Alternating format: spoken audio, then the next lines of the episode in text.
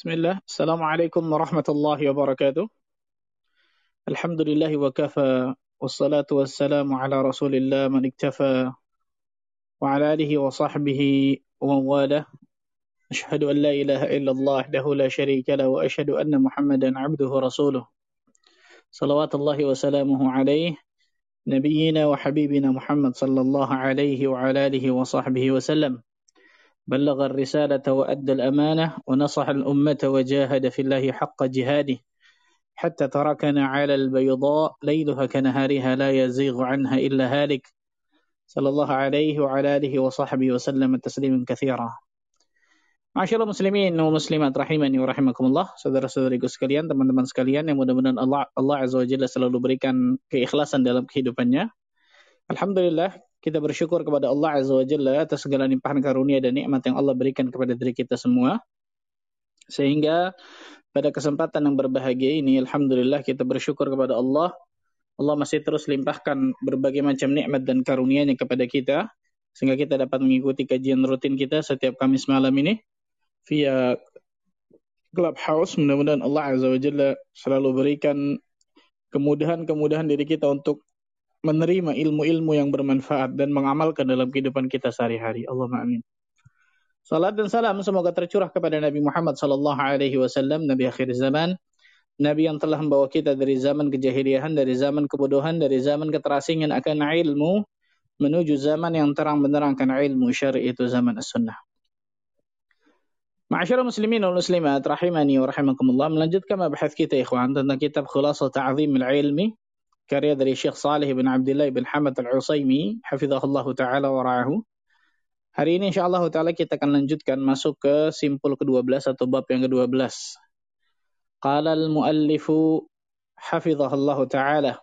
Penulis berkata, Al-Ma'qidu Tsani Ashar. Simpul ke-12 atau bab yang ke-12. Tentang apa itu?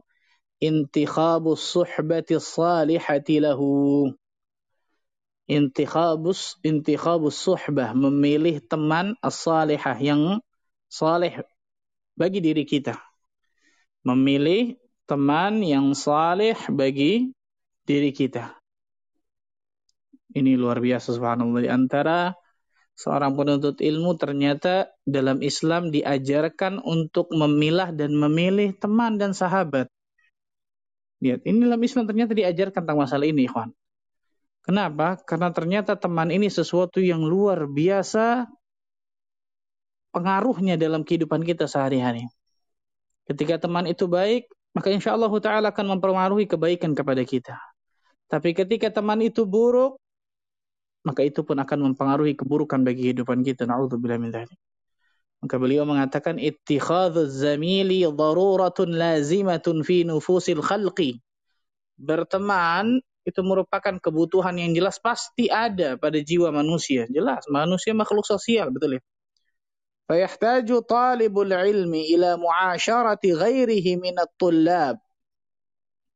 Maka seorang penuntut ilmu, kata beliau, itu pasti membutuhkan untuk bermuamalah dengan penuntut ilmu yang lain. Untuk apa? Hadhihi al-mu'asyarah ala tahsilil ilmi wajtihadi fi talabihi agar muamalah ini ternyata bisa membantunya dalam menggapai ilmu dan bersungguh-sungguh dalam hal tersebut. Ya, ini penting nih. Makanya kalau kita lihat subhanallah dari zaman terdahulu apa pertemanan para ulama itu luar biasa. Contoh aja Imam Al-Imam Asy-Syafi'i rahimahullah taala dengan Imam Ahmad rahimahullah taala. Imam Syafi'i itu guru dari Imam Ahmad sekaligus sahabat dekat dari Imam Ahmad ibn Hanbal rahimahullah taala rahimahumullah taala. Dua imam yang sangat mubajjal kita tahu bersama bagaimana kemuliaan mereka berdua. Bagaimana mereka ilmu mereka berdua, ketakwaan mereka berdua dan lain sebagainya subhanallah. Nah, ternyata di antara apa manfaatnya hal tersebut ternyata dapat membantu dalam menggapai ilmu dan juga ijtihad bersungguh-sungguh dalam mencari ilmu itu sendiri. Karena bisa jadi ketika kita sedang menuntut ilmu, teman kita sedang futur. Kita bisa naikkan, kita bisa berikan semangat, betul ya? Atau sebaliknya, ternyata kita yang sedang futur, teman kita yang bisa berikan semangat dan motivasi. berjalan bersama menuju surga Allah Azza wa Jal. Itu seorang penuntut ilmu harusnya seperti itu ya kawan. Kemudian beliau mengatakan wazamalatu fil ilmi in salimat minal ghawail nafi'atun fil wusul ila al maqsud. Dan pertemanan dalam konteks ilmu jika selamat dari berbagai kerusakan bermanfaat dalam meraih tujuan. Perhatikan nih dua hal ini nih kawan. Pertemanan dalam konteks dalam konteks ilmu nih dua hal ini. Insalimat minal ghawail. Yang pertama, jika selamat dari berbagai macam kerusakan. Maksudnya apa? Karena ternyata ada teman yang menjadikan diri kita malah rusak gara-gara berteman dengan mereka. A'udzubillah min dzalik. Maka yang pertama, pertemanan dalam konteks ilmu itu harus yang pertama nih jelas. Selamat dari berbagai apa? Kerusakan. Yang kedua, nafi'atun fil wusuli ilal maqsud. Bermanfaat untuk meraih tujuan yang memang dimaksud. Bermanfaat untuk meraih tujuan yang dimaksud. Tujuan paling terbesar jelas apa? Surga Allah Azza wa Jalla kan gitu. Tujuan di dunia agar mendapatkan ilmu yang bermanfaat, agar kita menjadi orang soleh, agar kita menjadi orang bertakwa kepada Allah dan dan dan seterusnya. Dua ini nih, perhatikan nih, pertemanan dua ini nih. Yang pertama harus selamat dari berbagai macam kerusakan. Ketika ada teman yang menjadikan diri kita rusak, jangan ragu untuk meninggalkan teman itu. Perhatikan nih, kawan. Nanti mutusin tersalih silaturahmi, Pak Ustaz, dan lain sebagainya. Tidak ada urusan, nih, kawan. Iman kita lebih jauh lebih apa? Jauh lebih berharga daripada kemudian hanya sekedar pertemanan yang pertemanan tersebut semu sifatnya. Alhamdulillah min Ini banyak luar biasa. Dan yang kedua, Tujuannya apa? Bermanfaat untuk meraih tujuan yang memang dicapai. Baik itu tujuan-tujuan duniawi misalnya, dan terlebih lagi yang paling terbaik, nah masalah ilmu nih tujuan apa? Ukhrawi jelas. Tujuan ukhrawi, Masya Allah. Al-Imam Ibn Qayyim Al-Jawziyah rahimahullah ta'ala mengatakan dalam kitabnya Bada'i'ul Fawaid, teman itu ada empat macam. Coba antum perhatikan nih, antum berteman, bersahabat, lihat nih, ada apakah teman kita masuk yang mana dari empat ini disebutkan oleh Imam Imam Ibn Qayyim al-Jauziyah rahimahullah Yang pertama kata beliau teman laksana makanan pokok. Allahu akbar. Ini harus kita punya teman-teman seperti ini. Ini bisa teman, bisa juga guru masuk di dalamnya nih. Teman laksana makanan pokok. Makanan pokok tersebut akan memberikan gizi bagi badan kita. Maka teman yang baik ini, teman yang saleh ini akan memberikan gizi bagi hati kita. Ini para ulama, orang-orang yang saleh, orang-orang yang bertakwa pada Allah. Ini, ini kita harus punya teman-teman yang pertama ini, kan, laksana makanan pokok. Tidak mungkin dalam sehari kita tidak makan. Kan gitu. Maka ketika kita tidak bertemu dengan teman ini, maka bisa menjadikan ternyata gizi dalam hati kita kurang. Allahu Akbar. Lihatlah bagaimana Syekhul Islam Ibn Taimiyah rahimahullah taala yang menjadi guru dari Al-Imam Ibn Qayyim Al-Jauziyah rahimahullah taala. Ibn Qayyim pada saat itu masih belajar. Beliau datang kepada gurunya ketika hati beliau sedang gundah. Ketika bumi ini terasa sempit kata beliau, aku datang kepada guru kepada guruku Syekhul Islam Ibn Taimiyah rahimahullah taala. Ketika sampai di rumahnya dan aku melihat wajahnya, hilang gundah gulanaku. Coba ikhwan Allahu Akbar. Ini ini benar-benar dikatakan Ibnu Qayyim secara real loh ini. Dan memang ada manusia-manusia yang ketika kita ngelihat wajahnya itu bahasa kita apa? Adem, enak. Betul ya? Nikmat wajahnya. Itu pancaran keimanan tuh ikhwan. Subhanallah. Saya punya teman di Madinah dari Nigeria. S2 di akidah kalau nggak salah. Itu ngelihat wajahnya, ya Allah luar biasa. Masya kita tuh bersama bagaimana kulit orang Afrika, betul ya? Tapi ngelihat wajahnya enak luar biasa dan bukan ternyata bukan bukan hanya saya aja yang merasakan seperti itu, teman saya pun mengatakan seperti itu. Allahu akbar. Pancaran cahaya keimanan ada pada dirinya, ikhwan. Ibnu Qayyim al-Jauziyah mengatakan ketika aku sampai di rumahnya aku melihat wajah dari guruku Syekhul Islam Ibn Taimiyah hilang gundah gulanaku. Apalagi ketika Syekhul Islam Ibn Taimiyah memberikan nasihat-nasihat kepada diriku seakan-akan hatiku itu terbang ke atas langit luar biasa. Allahu akbar. Nah, kita harus punya teman-teman seperti ini, kawan, teman, guru, betul ya? Ini penting tentang masalah ini, subhanallah. Yang pertama, teman laksana makanan pokok. Yang kedua, teman laksana obat. Teman laksana apa? Obat. Kita mengkonsumsi obat ketika kita membutuhkannya, betul ya? Nggak mungkin setiap hari kita minum obat. Ngobat namanya itu, overdosis akhirnya. Nah ini teman yang paling banyak biasanya nih. Teman kantor, teman main, teman rumah, dan sebagainya kan gitu ya. Ini yang paling banyak nih. Kita datang ketika kita butuh kan gitu. Maksudnya apa? Nggak mungkin setiap hari sama dia, nggak mungkin subhanallah. Sama seperti nggak mungkin setiap hari kita minum obat kan gitu. Ini yang kedua, teman laksana obat kata para ulama. Kita mendatanginya ketika kita membutuhkannya. Yang ketiga, teman laksana penyakit. Dengan berbagai tingkat penyakitnya nih. Ringan, sedang, berat. Teman laksana penyakit. Perhatikan nih. Kalau kita tidak punya ilmu, jangan kemudian sok-sokan mau dekat dengan teman yang ketiga ini. Kenapa? Karena bisa menular penyakitnya kepada kita. Sekarang misalnya ada sakit COVID, betul ya? Nggak mungkin kita datang ke suatu, satu orang yang kena COVID positif, duduk-duduk bareng sama dia, bisa nular tuh. Kecuali imun kita kuat mungkin kan gitu, subhanallah. Daya tahan tubuh kita kuat. Nah, kata para ulama, kalau kita punya teman yang berpenyakit nih, penyakit hati dan lain sebagainya, dengan tingkatan penyakitnya ya, karena ada yang ringan, sedang, berat. Kalau yang berat, benar-benar tinggalin jelas. Kalau yang ringan atau sedang, yang kita harapkan masih bisa sembuh insya Allah nih, dengan dengan kita yakin bahwa kita punya ilmu, maka silakan. Mudah-mudahan Allah Azza wa Jalla berikan hidayah kepada teman kita tersebut, Allah sembuhkan hatinya tersebut. Tapi kalau kita tidak punya ilmu, gak punya imun yang kuat, jangan kemudian menjerumuskan diri kita kepada kebinasaan bahaya. Tertular penyakitnya kepada kita, madarat besar, na'udzubillah. Nah, perhatikan. Dan kebanyakan manusia apa? Kebanyakan manusia ketika berteman dipengaruhi, bukan mempengaruhi. Betul ya? Dalam pertemanan hanya dua, dipengaruhi atau mempengaruhi. Kalau kita kuat, kita bisa mempengaruhi. Kalau kita lemah, kita yang dipengaruhi. Banyak orang saya mau tarik dia posat dan lain sebagainya. Ilmunya nggak ada. Bahkan terkenal dia orang yang gampang dipengaruhi. Habis itu. Perhatikan ikhwan subhanallah. Iman kita jauh lebih berharga. Dan yang keempat, yang paling na'udzubillah min dharik, teman laksana racun. Ini jangan pernah deketin sama sekali ikhwan bisa memberikan racun ke dalam hati kita luar biasa berbahaya madarat yang sangat luar biasa. Naudzubillah min dzalik teman laksana racun. Nah coba lihat diri kita masing-masing kepada siapa kita berteman di atas muka bumi ini? Apakah ada kepada orang-orang yang pertama memberikan gizi yang luar biasa terbaik bagi hati kita atau yang kedua memberikan obat ketika mungkin kita dalam keadaan sakit atau yang ketiga menularkan penyakit atau ternyata memberikan racun dalam hati kita Rasul Shallallahu Alaihi Wasallam memesankan kepada kita, memberikan wasiat kepada kita semua dalam hadis yang sahih yang diriwayatkan Imam Abu Dawud, Tirmidzi dari sahabat Abu Hurairah radhiyallahu taala anhu. Rasul Shallallahu Alaihi Wasallam bersabda, "Ar-rajulu ala dini khalilihi." Fi riwayah, "Al-mar'u ala dini khalilihi." Agama seseorang itu tergantung agama teman dekatnya. Allah akbar lihat. Agama kita nih, agama seseorang itu tergantung agama teman dekatnya, sahabat karibnya.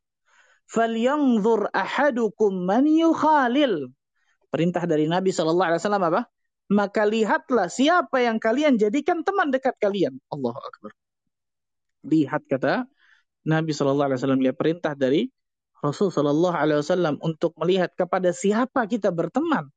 Nah sembarangan tentang masalah ini, kan subhanallah. Ketika kita berteman dengan orang yang memiliki tujuan yang mulia. Nah, sama nih. Tujuannya sama, persepsinya sama, kan gitu. Memiliki tujuan yang mulia, memiliki adab yang baik, memiliki akidah yang baik, memiliki ibadah yang Masya Allah, dapat mempengaruhi kita kebaikan, bukan keburukan, maka pegang teman itu baik-baik. Tapi kalau ternyata teman itu malah menjadikan agama kita rusak, Jangan ragu untuk menjauhinya. Perhatikan baik-baik nih, kan. Nanti orang nggak punya teman Pak Ustaz. Gak mungkin. Rasulullah sallallahu alaihi wasallam bersabda, "Innaka lan tad'a syai'an lillahi azza wa jalla illa baddalakallahu ma huwa khair laka minhu." Sesungguhnya ketika kalian meninggalkan sesuatu itu karena Allah, lihat. Kita meninggalkan sesuatu karena saya ini karena Allah. Karena ini bahaya bagi iman saya, bahaya bagi hati saya, bahaya bagi dunia dan akhirat saya. Saya tinggalkan teman-teman buruk itu. Maka Allah Azza wa Jalla pasti akan mengganti yang jauh lebih baik daripada apa yang dia tinggalkan. Ini janji dari Rasul Sallallahu Alaihi Wasallam, ikhwan. Tinggal kita yakin atau tidak kan gitu. Dan ini dalam segala perkara, bukan hanya pertemanan. Dalam segala perkara yang haram, kita tinggalkan karena Allah, Allah pasti akan ganti yang jauh lebih baik daripada apa yang kita tinggalkan tersebut di antara masalah pertemanan. Allahu Akbar, subhanallah. Seorang ulama yang bernama Raghib Al-Asfahani, beliau mengatakan, "Laisa i'da'u laisa i'da'ul jalisi li jalisihi bima bima bimaqalihi wa fi'alihi faqat bal min bin nazari ilaihi. Allahu akbar. Pengaruh antara teman duduk itu tuh bukan semata lewat perkataan dan perbuatan saja, bahkan sekedar lewat pandangan bisa memiliki pengaruh. Pandangan bayangkan nih, Kalau omongan jelas betul ya. Memiliki pengaruh perkataan, omongan, perbuatan juga jelas. Dia luar biasa sampai mengatakan bal bin nazari ilaihi. Bahkan hanya sekedar pandangan saja itu dapat memiliki pengaruh dengan teman yang seperti itu. Allahu Akbar lihat ya kan. Pengaruh antara sesama teman apa? Sesama teman yang duduk, teman selama teman duduk maksudnya. Maka lihat diri kita masing-masing Ikhwan. Ketika kita berteman dengan orang-orang yang buruk. Na'udzubillah min dzalik. Jangan kaget loh ternyata. Kehidupan kita pun buruk. Kan gitu. Apa yang kita lakukan di atas muka bumi pun ini pun buruk. Subhanallah. Rasul Shallallahu Alaihi Wasallam memesankan kepada diri kita dengan pesan yang luar biasa. Subhanallah. Nah hadis yang sahih dari Kamal Bukhari. Rasul Shallallahu Alaihi Wasallam bersabda, "Mathalul jalisis salih wal jalisis saw kamathali sahibil misk wa nafikhul. Permisalan teman yang saleh, teman duduk yang saleh nih, dengan teman yang jelek, Alhamdulillah, bagaikan apa, uh, apa penjual minyak wangi dengan pandai besi. Sahibul misk wa nafikhul kir. Bagaikan penjual minyak wangi dan juga apa? Uh, apa uh, pandai besi. Nafikhul kiri itu kalau antum lihat yang diinjak keluar angin kemudian untuk apa? Membesarkan api. Itu tuh. Nafikhul kir bisa diinjak, bisa dipompa. Itu nafikhul kir. Ya kalau kita bahasakan pandai besi lah betul. Permisalan kata Nabi Shallallahu Alaihi Wasallam, orang yang baik, teman yang baik dengan teman yang buruk itu jauh luar biasa. Bayangkan. Permisalannya seperti apa? Seperti seorang penjual minyak wangi dengan nafi khulkir, dengan pandai besi. Jauh luar biasa subhanallah. Apa bedanya? Rasul sallallahu alaihi wasallam melanjutkan fahamilul miski imma an yuhdhiyaka Adapun para penjual minyak wangi ini bisa jadi ia memberimu, memberikan hadiah minyak wangi kepadamu, betul ya?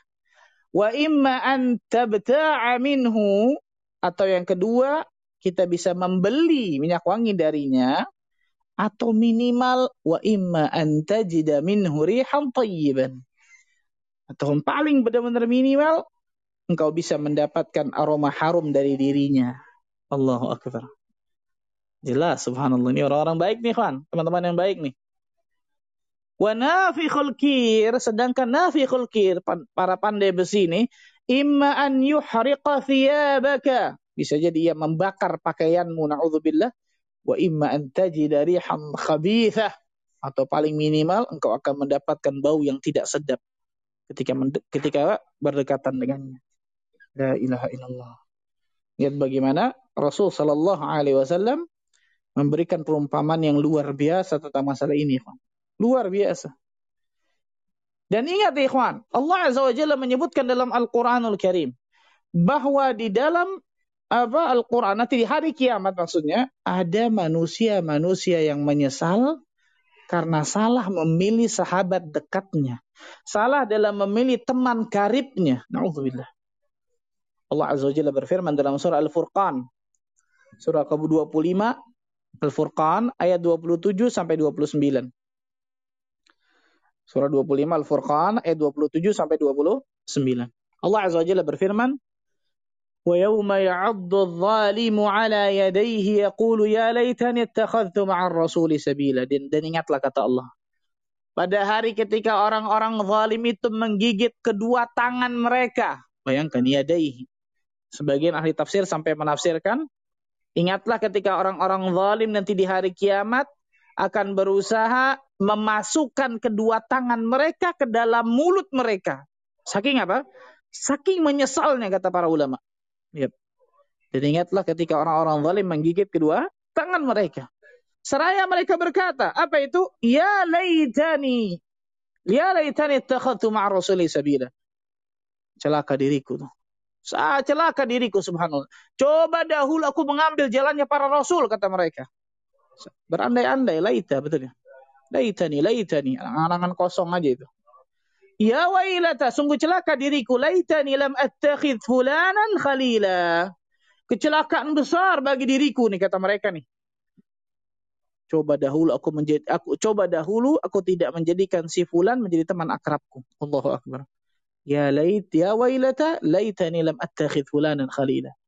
Coba seandainya si fulan aku nggak jadikan teman dekatku di dunia nih. Allahu akbar. Nyesel udah nggak bisa apa-apa di akhirat. Kenapa? Laqad adallani 'ani dzikri ba'da idz ja'ani. Karena temanku yang buruk ini naudzubillah telah menyesatkan aku dari hidayah Al-Qur'an. Padahal hidayah Al-Qur'an itu datang kepadaku. Bukan syaitanu lil insani khadhula.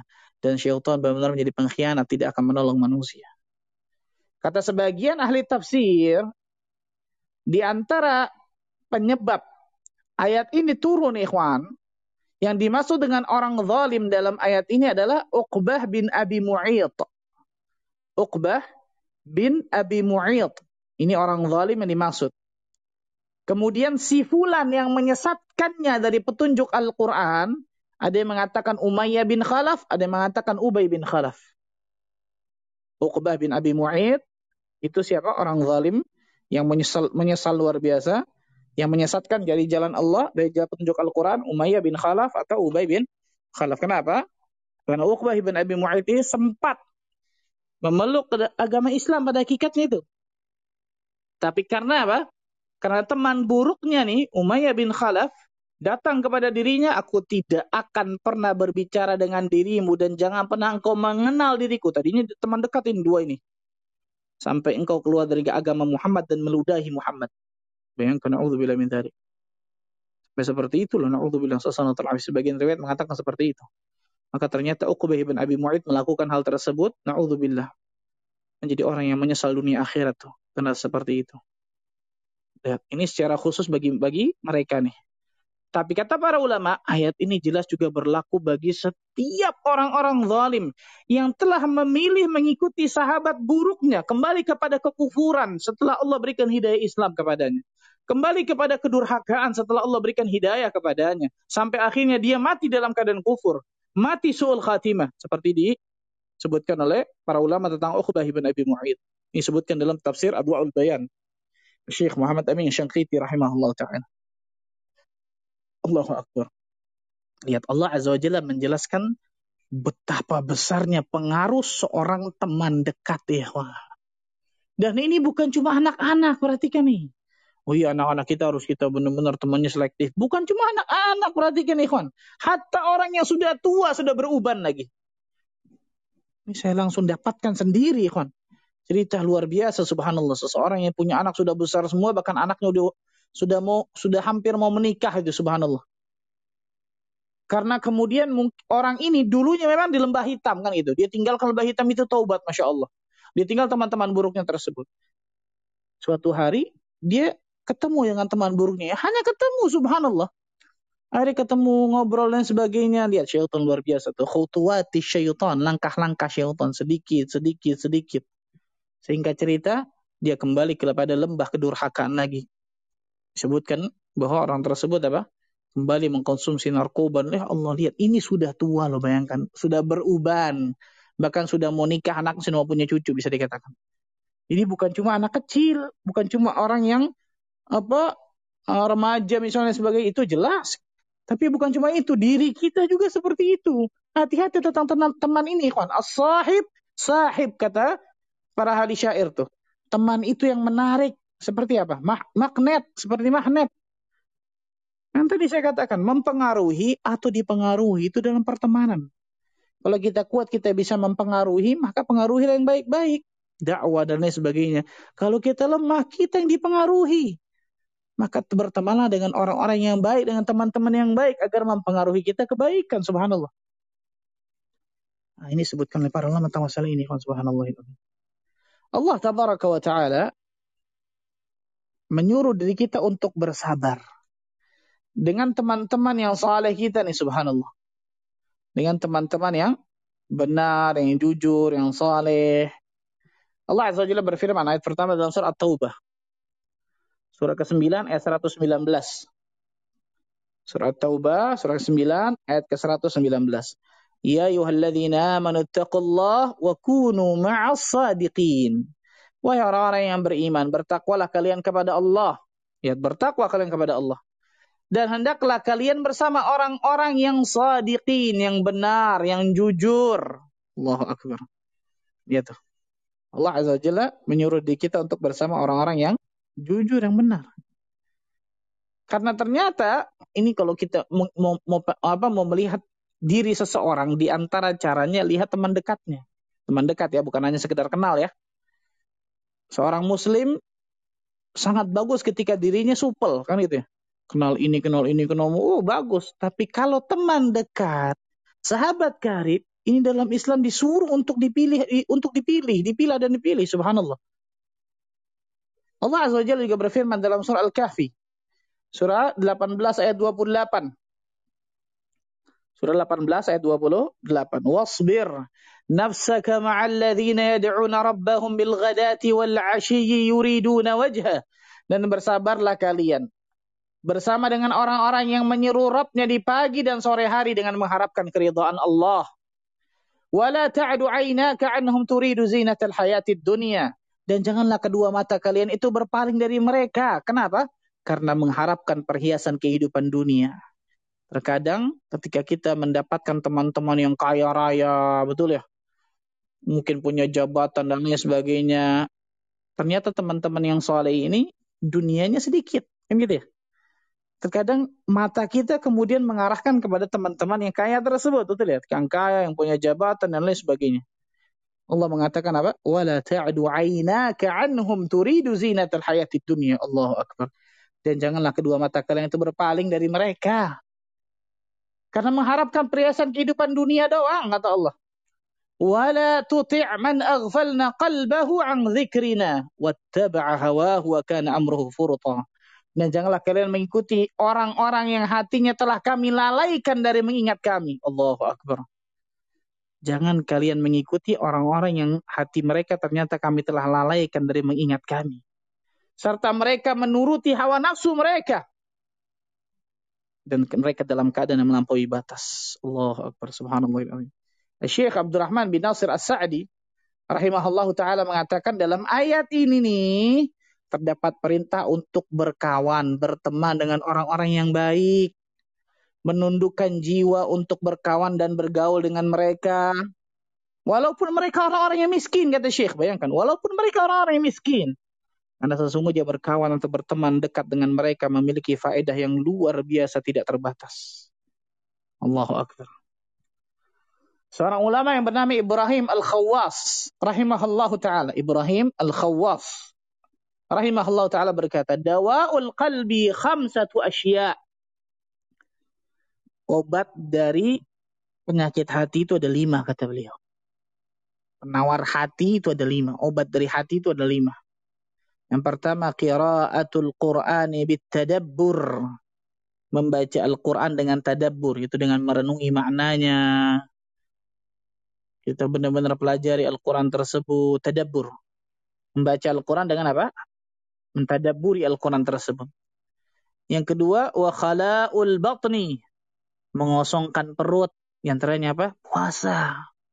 Puasa subhanallah. Yang ketiga qiyamul lail, Kiam. Bangun di malam hari. Ya kan? Ibadah ketika malam. Entah itu sholat malam. Entah itu kemudian dia beristighfar, berdoa, bersolawat kepada Rasul Sallallahu Alaihi Wasallam dan lain sebagainya. Lail, bangun di tengah malam beribadah kepada Allah, mendekatkan dirinya kepada Allah. Yang keempat, wat tadarru' inda sahar, berdoa di waktu sahur, di akhir malam sebelum subuh tuh. Berdoa di waktu sahur bisa berdoa, bisa beristighfar kan gitu. Wabil ashari hum yastaghfirun kata Allah orang-orang saleh di antara ketika waktu mendekat eh, ketika waktu sahur mereka banyak beristighfar. Yang terakhir wa mujalatus wa mujalah wa mujalasatus salihin dan duduk bersama orang-orang yang saleh. Allahu akbar. Duduk bersama orang-orang yang saleh. Ini lima loh. Lima yang dikatakan oleh Al-Imam Ibrahim Al-Khawwas rahimahullah taala penawar hati, mengobati hati yang sakit. Membaca Al-Quran dengan tadabbur, dengan perenungan, mengosongkan perut, yaitu berpuasa, qiyamul lail, bangun malam untuk beribadah kepada Allah, entah itu salat malam dan ibadah-ibadah yang lain, berdoa di waktu sahur, tadarru' berdoa apa menghinakan dirinya ketika sahur bisa bisa berdoa bisa beristighfar di situ juga. Kemudian apa? Wa satu salihin duduk dengan orang-orang saleh. Bergaul dengan orang-orang saleh mendapatkan faedah dari mereka masya Allah. Ini lima hal yang dapat mengobati hati bayangkan subhanallah. Sekali lagi saya katakan bukan berarti kita nggak boleh mengenal semua orang, bukan berarti kita nggak boleh supel. Bagus kalau kita supel. Tapi yang kita jadikan teman dekat, saya berkali-kali saya katakan ini. Yang kita jadikan teman dekat, sahabat karib kita, itu orang-orang yang saleh dan salihah. Orang-orang yang ketika kita bertemu dengannya, kita mempunyai rasa takut kepada Allah. Orang-orang yang ketika kita bertemu dengan orang tersebut kita ingat kepada Allah. Orang-orang yang ketika kita bertemu dengan mereka kita ingat tentang negeri akhirat, bukan hanya gila tentang dunia. Tidak. Orang-orang ketika kita bertemu dengan mereka iman kita bertambah. Allahu Akbar. Kita harus punya teman-teman seperti ini, karena mungkin di benak kita, di pikiran kita, sahabat sejati, teman sejati itu bukan yang seperti disebutkan dalam syariat. Kan gitu ya? Mungkin yang kita lihat sahabat sejati tersebut yang selfie bareng sama kita, betul ya? Sahabat sejati itu yang ngajak ke apa ngajak restoran mewah yang mahal. Sahabat sejati mungkin dalam pikiran kita orang-orang yang nonton bioskop bareng mungkin, betul ya? Nonton konser bareng atau foto yang saya katakan foto apa? Foto narsis. atau kedang, ketika kita sedang bete lagi bosan nih datang sahabat itu mungkin itu versi sahabat terbaik menurut kita mungkin itu betul ya tapi sahabat yang terbaik menurut Allah dan Rasulnya bukan itu subhanallah sahabat terbaik menurut Allah dan Rasulnya itu yang membantu kita dalam kebaikan nih perhatikan ikhwan yang membantu kita dalam kebaikan Ketika kita berbuat keburukan, sahabat ini menasehatinya dengan lemah lembut dan sabar. Ini sahabat yang baik nih. Ketika kita bertemu dengan dirinya, kita ingat kepada Allah. Kita bertemu dengan dirinya, iman kita bertambah. Kita bersama dengan dirinya, ketaatan kita bertambah kepada Allah. Dia mengajak kita kepada ketakwaan kepada Allah. Mengajak kita ke sholat berjamaah ke masjid. Mengajak kita menghadiri kajian ilmu. Menasehati diri kita ketika kita buat, berbuat salah. Menyuruh kita untuk berbuat jujur dalam perkataan perbuatan. Allah Akbar subhanallah yang menyuruh kita juga untuk selalu mensyukuri nikmat-nikmat Allah Azza wa Jalla yang Allah berikan kepada kita. Mengingatkan kita tentang pentingnya iman. Luar biasa subhanallah. Mengingatkan diri kita bahwa kehidupan dunia ini hanya sementara. Kehidupan akhirat itu lebih kekal, lebih baik. Ini sahabat-sahabat yang sejati menurut Allah dan Rasulnya ini subhanallah. Kalau kalau ternyata kita tidak punya sahabat-sahabat seperti ini, ketahuilah pada hakikatnya nasib kita sangat malang luar biasa. Karena pada hakikatnya kita tidak memiliki seorang pun sahabat sejati kalau seperti itu. Allah Akbar. Al-Imam Ibn Qudamah rahimahullah ta'ala mengatakan dalam kitabnya Mukhtasar Minhajul Qasidin. Al-Imam Ibn Qudamah rahimahullah ta'ala mengatakan secara garis besar, hendaknya orang yang engkau pilih menjadi sahabat itu memiliki lima sifat ini. Lima sifat, perhatikan.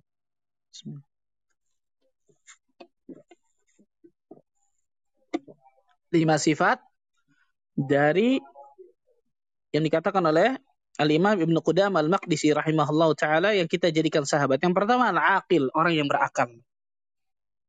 Orang yang berakal. Karena ada orang-orang yang ternyata mungkin akalnya jalan tapi nggak dipakai. Maksudnya apa? Dia tidak pakai, dia tidak tadabur, betul ya? Dia tidak pakai untuk berpikir apakah ini datangkan maslahat atau madarat perbuatan ini ini orang yang berakal harusnya dipakai ya akalnya kan gitu. Yang kedua, Dhu akhlaqil kari, dhu akhlaqul karimah, memiliki akhlakul karimah, akhlak yang baik. Seorang sahabat yang baik adalah memiliki akhlakul karimah. Memiliki akhlak yang baik. Yang ketiga, laisa fasiqun, bukan orang yang fasik. Bukan orang yang fasik itu pecandu dosa dan maksiat. Fasik tuh. Bukan orang yang fasik. Kemudian yang keempat, laisa sahibi bid'ah. Bukan ahli bid'ah kata beliau. Bukan ahli bid'ah. Baik, baik itu masalah bid'ah i'tiqadiyah itu bid'ah uh, keyakinan ataupun amaliyah. Seperti ahli bid'ah contohnya apa? Khawarij, Syiah Rafidah, Mu'tazilah, Murji'ah, Qadariyah, Jabariyah, Asy'ariyah dan lain sebagainya. Yang kelima, bukan orang yang rakus terhadap dunia. Allah Akbar. Bukan orang yang rakus terhadap dunia. Masyarul muslimin wal muslimat rahimani wa rahimakumullah. Seorang sahabat Nabi yang bernama Umar bin Khattab radhiyallahu anhu al-Faruq, beliau berpesan, "Ma u'tiya al-'abdu ba'da al-islam ni'matan khairan min akhi salih." Tidak ada nikmat yang diberikan kepada seorang hamba setelah Islam, setelah nikmat Islam yang lebih baik daripada sahabat yang saleh. Ya Allah, ya Karim. Setelah Islam lo bayangkan.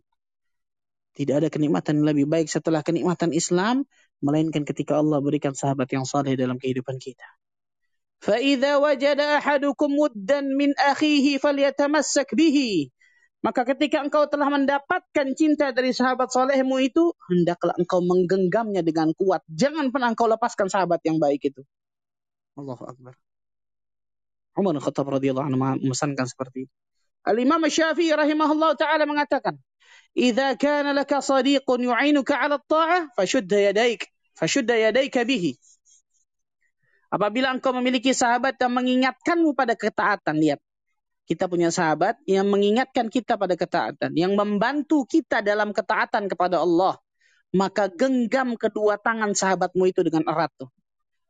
Genggam. Kenapa? Fa sadiq sa'bun wa mufaraqatu sahlah. Karena mendapatkan sahabat seperti itu tuh sulit. Sedangkan melepaskannya atau meninggalkannya mudah banget itu luar biasa. Allahu Akbar. Imam Syafi'i rahimahullah ta'ala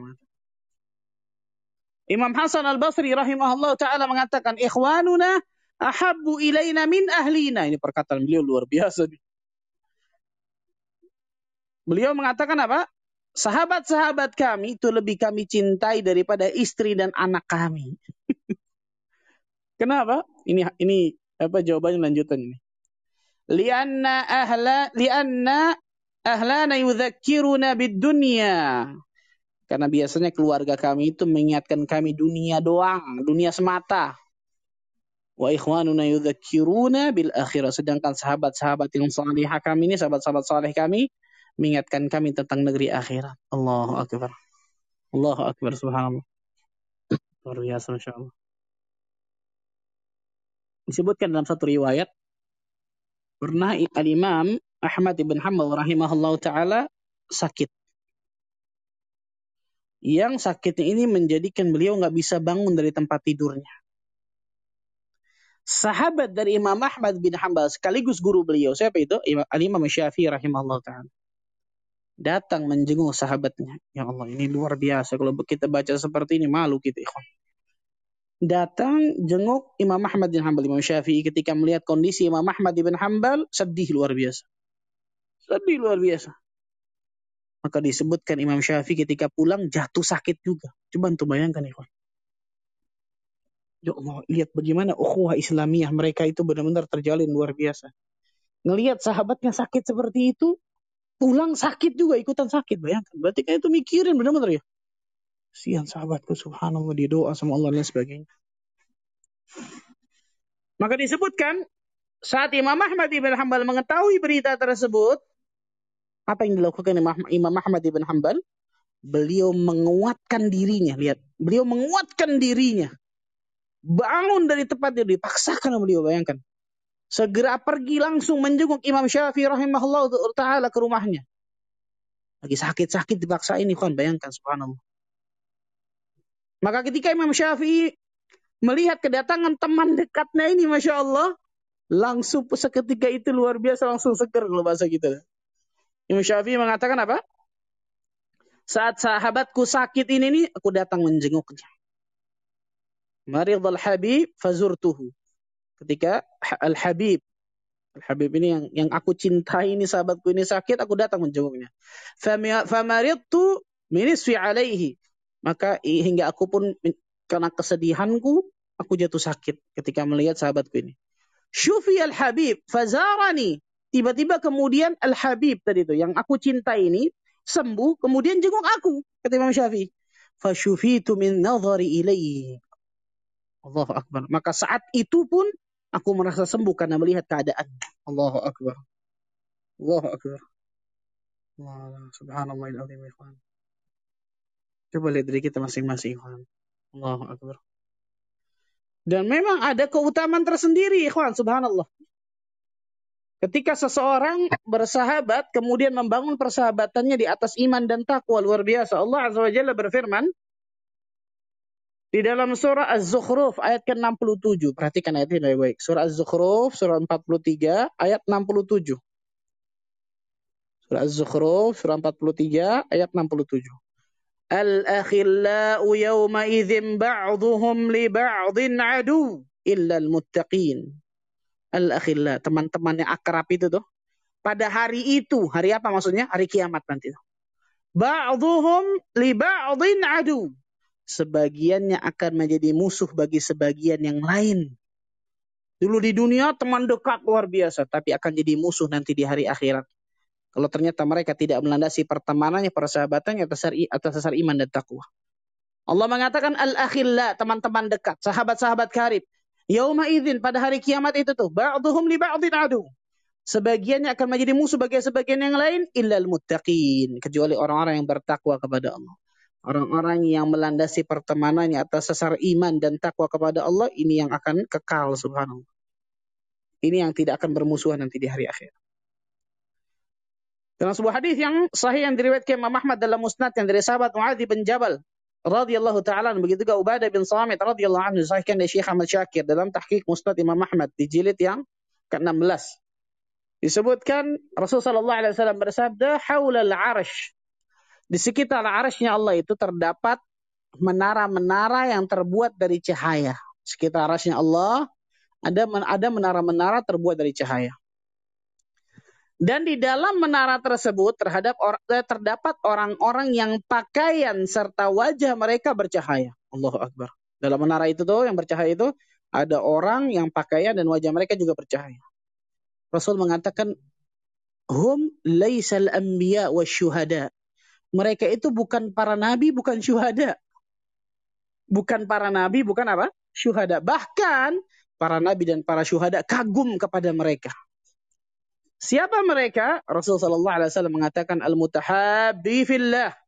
Orang-orang yang saling mencintai karena Allah. Lihat nih. Orang-orang yang saling mencintai apa? Karena Allah tabaraka wa taala. Saling berkunjung, saling bersahabat dan saling memaafkan karena Allah.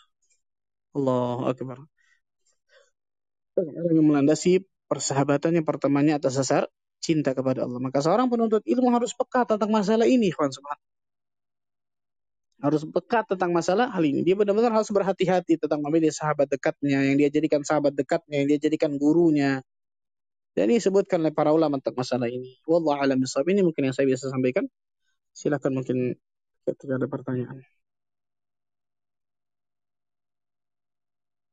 Alhamdulillah, jazakallah khairan Ustadz yang telah menyampaikan materinya.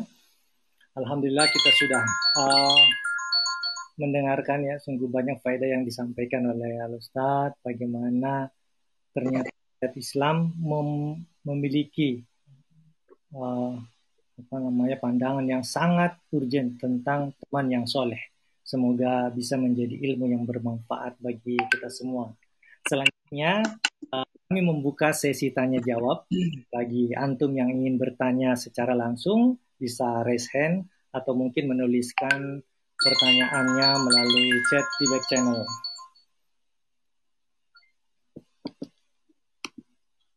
Silahkan, mungkin di sini sudah ada yang raise hand. Yang pertama dari Saudari Yumiati. Kami persilahkan, silahkan mic-nya di unmute dulu. Bismillah. Assalamualaikum warahmatullahi wabarakatuh. Waalaikumsalam. Ya.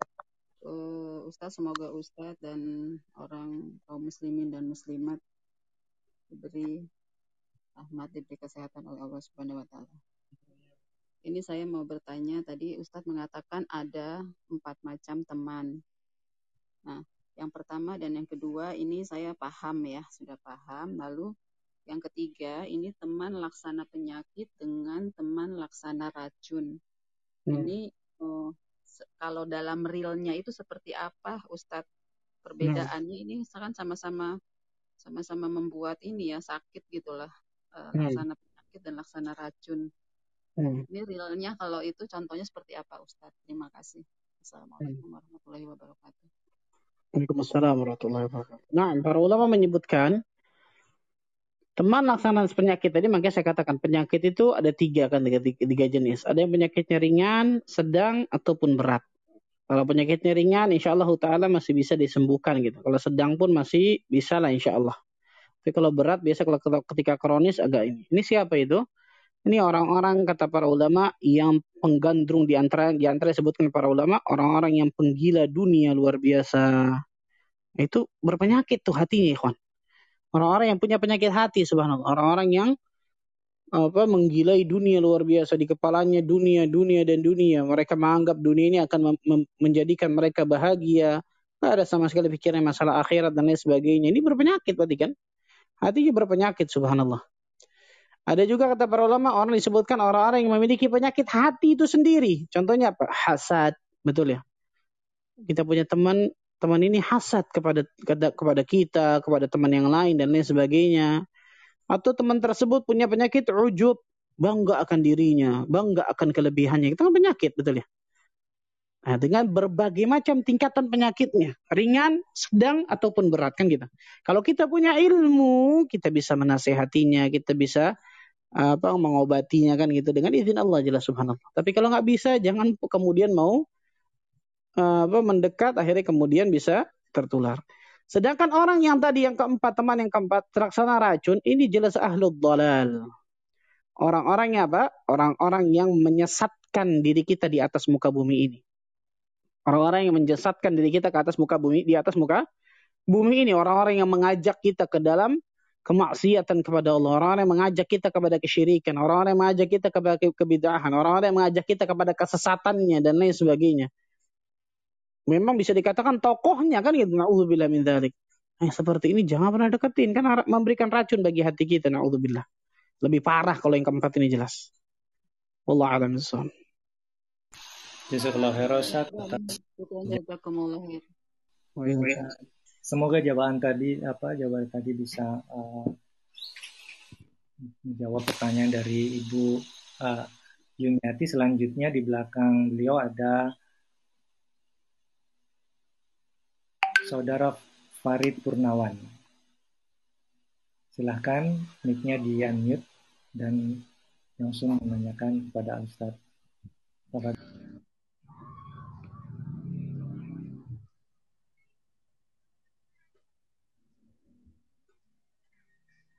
Assalamualaikum warahmatullahi wabarakatuh. Semoga Allah menjaga Ustadz, seluruh yang hadir di sini dan umumnya seluruh kaum muslimin. Um, Ana izin bertanya Ustadz. Jadi dulu Ana pernah punya teman hijrah. Jadi dia yang seperti nunjukin Ana buat inilah hijrah gitu. Jadi ngajakin Ana biar Ana lebih giat ibadah lagi gitu Ustadz. Terus kurang lebih ini kita sahabatan karena Allah 8 bulan Ustaz. Um, Qadarullah kemarin di bulan Mei ini dia pindah ke pesantren Ustaz. Sebenarnya Ana seneng dia pindah apa belajar lebih dalam lagi pesantren dan dia juga alhamdulillah Allah beri apa Allah beri kelebihan buat mendalami suatu ilmu jadi dia emang apa ya kalau anak lihat secara tampak dia nih cerdas gitu saat okay. tapi masalahnya um, pesantrennya ini pesantren salah satu firqah yang banyak ditahdir sama ulama-ulama sunnah Ustaz. Uh, ini Ana bingung. Dulu kan Ana sama dia nih kan deket banget ya Ustaz. Bahkan udah kayak adik kakak gitu. Ana bingung Ana harus ninggalin dia atau gimana ya Ustaz. Soalnya kalau misalkan dia ngomong ke Ana juga kayak langsung nyerep gitu Ustaz. Mohon jawabannya Ustaz. Jazakumullah khair. Nah, barakallah fiqh dia telah memberikan kebaikan kepada antum ketika hijrah, kemudian membantu antum dalam hijrah dan lain sebagainya. Sekarang giliran antum memberikan kebaikan kepada dirinya. Gimana caranya? Memberikan nasihat kan gitu. Oh gimana Ustaz saya nasihatin dia yang menyerap saya nggak bisa ini. Nggak, jangan. Jangan pikirkan seperti itu. Yang antum pikirkan adalah saya ingin berikan kebaikan kepada saudara saya ini. Karena saya tahu ternyata mungkin pesantren tersebut adalah pesantren yang tidak baik kan gitu subhanallah. Yang salah satu firqah yang memang di apa di apa ditahdir oleh para ulama atau di apa diwanti-wanti lah istilahnya oleh para ulama tentang masalah bagaimana pemahaman apa, apa, apa firqah tersebut. Maka coba antum untuk nasihatkan kan gitu. Coba antum kumpulkan dulu dari itu semua dari perkataan ustadz mungkin ulama dan lain sebagainya. Nasihatkan dengan lemah lembut nasihatkan dengan sabar dan sebagainya kan gitu. Mudah-mudahan Allah azza wajalla bukakan hatinya karena kita nggak tahu ya kawan. Perbuatan dan perkataan kita yang mana? Ternyata Allah azza wajalla bukakan hati manusia untuk mendapatkan hidayah dari Allah. Bisa jadi ternyata perkataan atau perbuatan kita yang benar-benar ikhlas kita keluarkan dalam hati kita dalam lubuk hati kita ingin menjadikan teman kita ini agar kembali ke jalan yang lurus dan sebagainya itu ternyata yang sama sekali nggak kita bayangkan akan seperti itu ternyata Allah berikan kemudahan luar biasa orang tersebut mendapatkan hidayah dari Allah Azza Wajalla. Maka tadi coba nasihatkan. Nasihatkan dengan berpikir mudah-mudahan ini tanda kebaikan anak kepada dirinya sebagaimana dia telah memberikan kebaikan anak kepada diri saya ketika di awal-awal hijrah. Dan jangan lupa yang kedua untuk mendoakan. Yang paling penting nih, kawan, ketika kita sudah berusaha mendakwahkannya, menasehatinya, maka jangan lupa untuk bangun di tengah malam, doakan. Karena yang punya hati manusia Allah Azza yang memegang hati manusia Allah Azza. Doakan di keheningan malam, doakan ketika di sepertiga malam, agar Allah Azza wa Jalla berikan hidayah atau taufik kepada dirinya. Allah alam. Baik, syukran Ustaz. Um, Ustaz Alvan, hmm. Anda boleh tanya satu lagi Ustaz? Fadal, fadal. Um, Anda kan um, apa namanya semangat gitu ibadahnya kalau ada beliau ini. Terus belakangan ini sejak kita pisah kurang lebih lima bulan, pas awal-awal kita pisah itu Ana masih rajin ibadah, tapi makin ke sini rasanya makin kendor gitu Ustaz. Tapi Ana hmm. masih berusaha buat naikin lagi Ustaz.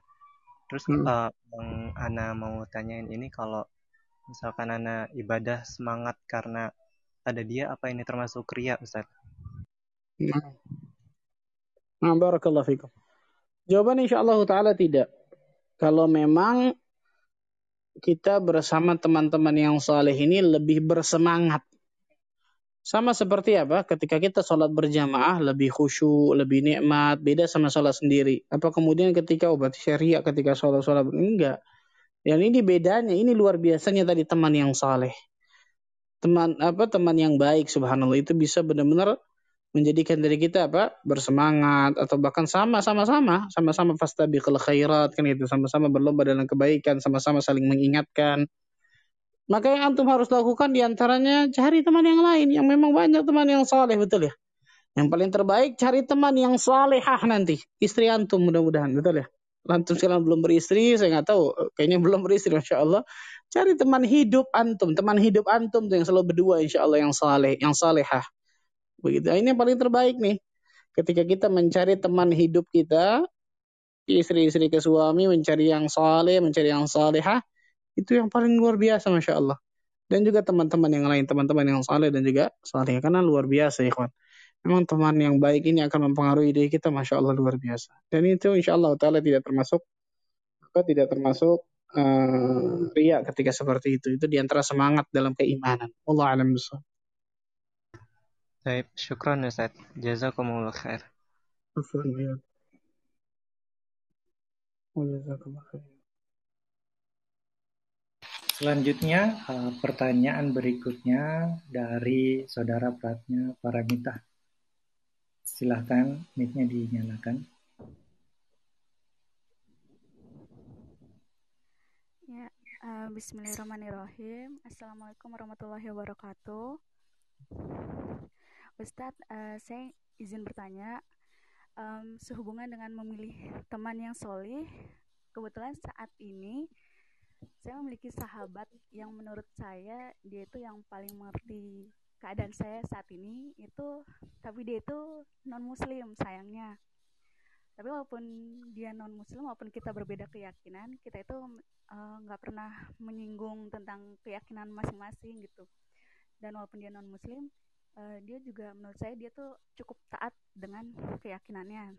Nah karena misalnya sehubungan karena dia taat itu juga justru uh, apa namanya saya malah kayak terinspirasi juga kalau saya misalnya untuk uh, kalau misalnya dia yang non muslim aja dia bisa taat dengan keyakinannya apalagi uh, saya yang sebagai seorang muslim dan menurut saya aga, apa Islam itu adalah agama yang paling benar. Jadi saya terinspirasi untuk uh, saya semakin mendekati misalnya Islam mendekati Islam dengan lebih baik mempelajari Islam dengan lebih baik, lebih baik gitu. Uh, jadi bagaimana ya Ustadz? Uh, kalau misalnya uh, apa sahabat saya misalnya untuk saat ini itu non muslim Ustad. Mohon penjelasan Ustad. Ya Ustad. Ini teman-teman dekat benar-benar dekat anti, iya, sahabat karib benar-benar iya, atau paling, aja? Paling dekat saat ini. Itu yang oh, benar-benar oh, menurut saya mengerti dengan kondisi saya baik buruknya itu untuk saat ini dia seorang non muslim Ustadz.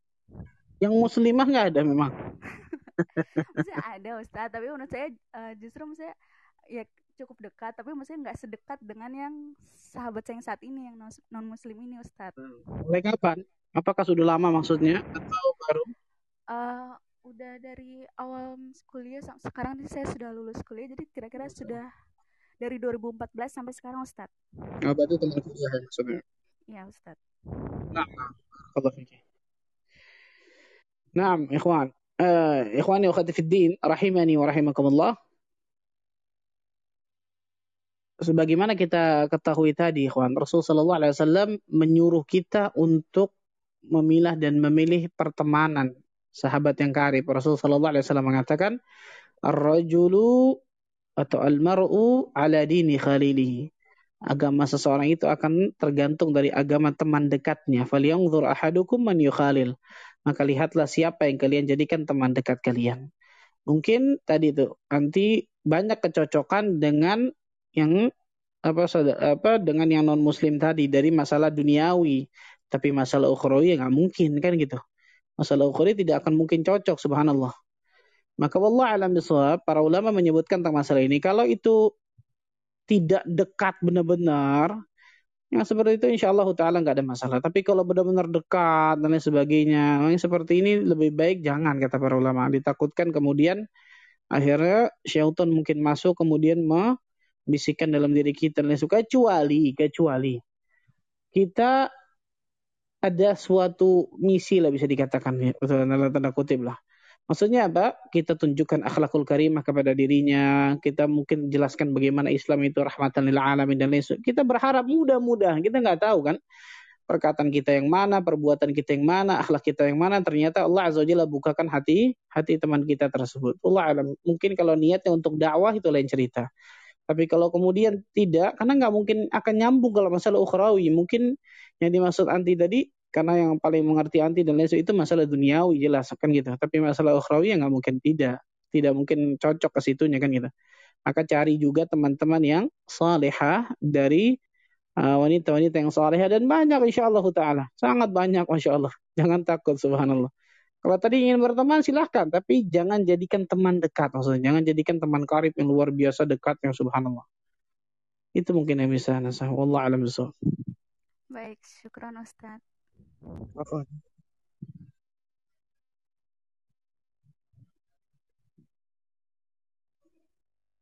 Alhamdulillah selanjutnya uh, kita berikan kesempatan kepada Sister Reminds. Silahkan mic-nya dinyalakan.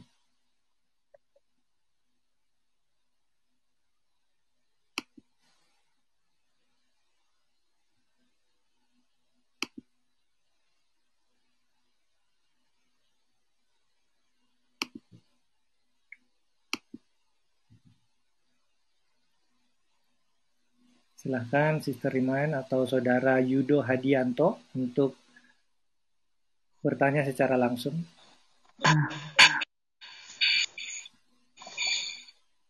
Ya, ya. Uh, Assalamualaikum Ustadz. Semoga Ustadz dan semua jamaah yang hadir di sini uh, selalu mendapat perlindungan Allah Subhanahu wa taala. Uh, Ustadz, yang uh, saya mau tanya, Uh, saya punya teman, uh, kebetulan beliau itu uh, pengurus masjid. Nah, kemudian uh, uh, beliau itu juga uh, suka mendengarkan ceramah-ceramah ustadz yang lainnya gitu kan. Nah, sedangkan uh, saya pun juga sama ustadz. Nah, tapi setelah setelah saya uh, mendengarkan ceramah, mohon maaf, mohon maaf ustadz, kayak Ustadz Khalid Basalama, terus kemudian Ustadz uh, Bazir juga. Nah terus, nah uh, teman saya ini rada menjauh sama saya gitu. Nah uh, saya juga nggak nggak tahu kenapa. Nah tiba-tiba uh, karena itu apa namanya uh, saya tanya kenapa, tapi belum malah diam aja. Nah uh, tindakan saya uh, bagaimana ya Ustadz untuk uh, itu apa agar pertemanan kita itu tidak tidak tidak apa uh, selek uh, renggang gitu Ustaz. Ya mohon pencerahannya Ustaz ya. Ya. Sekarang tuh nggak tahu maksudnya kenapa itunya alasannya. Mm, nggak nggak tahu Ustaz karena semenjak saya ikut kajian seperti ini ya jadi teman saya rada gimana gitu. Nah. Iya gitu. Nah, barakallahu fikum. Ya. Ketika seseorang satu langkah berjalan menuju surga Allah tabaraka wa taala. Kemudian mengenal kajian yang benar mengenal sunnah Nabi sallallahu alaihi wasallam. Maka di situ pasti ada dua kubu istilahnya. Ada orang yang suka dan ada orang yang tidak. Ada orang yang mendukung dan ada orang yang tidak mendukung. Itu pasti itu. Hatta Rasulullah sallallahu alaihi wasallam saja orang yang ilmunya luar biasa manusia terbaik yang paling luar biasa akhlaknya paling sempurna ada Abu Jahal ada Abu Bakar kan gitu. Ada Abu Jahal yang membenci beliau luar biasa, ada Abu Bakar yang mendukung dakwah beliau. Nah, ketika seseorang berjalan di atas dakwah ini, di atas sunnah Nabi Shallallahu Alaihi Wasallam, kemudian Allah alam karena antum nggak tahu secara pasti, tapi mungkin indikasi antum tadi betul dzan antum dari tadi ketika antum mendengarkan kajian-kajian sesat sunnah dan sebagainya, kemudian mereka dia berubah sikap. Tapi coba coba berbicara baik-baik kan gitu ya. Coba duduk dengan mereka dengan dirinya dengan hati, dari hati ke hati apa yang salah dan sebagainya. Kalau memang dia mengatakan ini nggak benar sosial dan sebagainya taib. Tolong tunjukkan buktinya apa dalilnya apa dan lain sebagainya. Kalau memang itu ada ya silahkan subhanallah. Tapi kalau nggak ada kan kebanyakan yang seperti ini ternyata hanya tuduhan dan lain sebagainya. Maka doakan doakan mudah-mudahan agar agar Allah azza juga bukakan hatinya. Dan terus tunjukkan akhlakul karimah kepada kepada teman antum tersebut. Allah alam. Barakallahu fikum. Ya, uh, syukran Ustaz atas, uh, atas pencerahannya. Selanjutnya dan ini mungkin menjadi pertanyaan terakhir karena terbatasnya waktu kepada Sister Remains, silahkan. Baik, Assalamualaikum warahmatullahi wabarakatuh. Waalaikumsalam. Awan Ustadz, Ana izin bertanya perihal teman yang laksana racun tadi yang punya sifat hasad dan ujub. Kebetulan di tempat kerja Ana itu ada orang yang seperti ini, cuman uh, beliau juga hijrahnya itu masih berproses gitu Ustadz. Dan masih juga kita sharing perihal agama, lalu Ana kasih pencerahan sedikit mengenai hukum agama, tapi tidak mengenai hasad dan ujub Ustadz. Lalu kalau teman seperti ini yang kecondongan hasad dan ujubnya itu terlihat jelas, tapi di sisi lain beliau juga hijrahnya masih berproses gitu Ustadz. Apakah teman yang seperti ini tetap kita uh, rangkul atau kita tinggalkan agar kita agar kita mewanti diri untuk tidak terpengaruh sifat hasad dan ujubnya itu Ustaz. Jazakallahu khair barakallahu fiik Ustaz. Nah, barakallahu fiik. Uh, teman-teman yang tadi apa namanya orang-orang yang terkena penyakit hati seperti hasad, ujub dan lain sebagainya pada akhirnya bukan teman-teman laksana racun tapi laksana penyakit tadi saya katakan. Racun itu lebih parah tadi ahlut dolal, orang para penyesat, penggiat penyesatan dan lain sebagainya orang yang mengajak ke orang kepada apa keburukannya firqah sesatnya dan sebagainya. Kalau ini rasanya penyakit nih. Nah penyakitnya dilihat penyakitnya apa nih ringan, sedang atau berat. Kalau ringan dan sedang dan kita yakin kita bisa mempengaruhinya atau kita yakin kita bisa mudah-mudahan Allah berikan kemudahan untuk bisa mengobati orang ini, coba Bismillah kan gitu. Tapi kalau kita sudah coba, kita sudah coba dari sini, dari sana dan sebagainya macam-macam sudah banyak macam-macam doakan sudah dan sebagainya, ternyata malah nggak ada sama sekali perubahan nih kan gitu. Malah bisa bisa dikatakan jangan-jangan aneh nanti yang terkena masuk ke situ. Maka doakan mudah doakan saja mudah Allah berikan hidayah kepadanya. Jadi dilihat tentang masalah madarat di situ.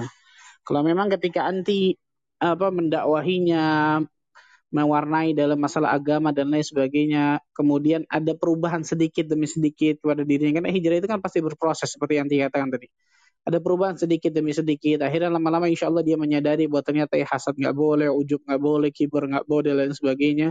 Mudah-mudahan dengan wasilah atau perantara nanti, mudah-mudahan Allah Azza berikan hidayah kepadanya. Dan itu luar biasa berapa banyak pahala yang nanti dapatkan ketika seperti itu. Tapi kalau ternyata nanti sudah melakukan itu semua dan ternyata anti yakin nih, ini sama sekali nggak ada perubahan, yang ada memadaratkan diri saya takutnya nih subhanallah. Sudah Nah, doakan saja mudah Allah berikan hidayah, taufik kepada yang terus menerus. Allah alam itu yang paling terbaik mungkin. Dilihat dari masalah madarat dari hal tersebut. Allah alam. Ikhwani wa din, rahimani wa rahimakumullah. Bagaimana disebutkan oleh Allah tabaraka wa ta'ala yang saya sebutkan tadi dalam surah Zukhruf tadi. Jangan sampai kita menjadi teman yang luar biasa dekatnya di dunia ini tapi ternyata menjadi musuh yang nyata luar biasa di hari akhirat. Siapa mereka? Orang-orang yang pertemanannya, persahabatannya dilandasi atas sesar hanya kepentingan duniawi, kan gitu. Hanya ada kepentingan semata, tidak dibalas, tidak dilandasi atas sesar iman dan takwa, dekat luar biasa di dunia. Tapi dalam hal keburukan, dalam hal kelalaian dan lain sebagainya, bukan dalam hal kebaikan. Bukan dalam hal ketakwaan kepada Allah Azza wa Jalla. Maka perhatikan ya kawan. Tanya kepada diri kita, siapa saja teman dekat kita apakah teman dekat tersebut benar-benar teman sejati menurut Allah dan Rasulnya atau tidak. Dan atas dasar apa kita bangun pertemanan tersebut. Tanya kepada diri kita masing-masing. Agar teman kita ini insya Allah Ta'ala dapat juga memberikan syafaat nanti di Yawmal Qiyamah. Imam Hasan Basri mengatakan perbanyaklah teman-teman yang saleh karena mereka akan memberikan syafaat nanti di Yawmal Qiyamah. Allah alam Assalamualaikum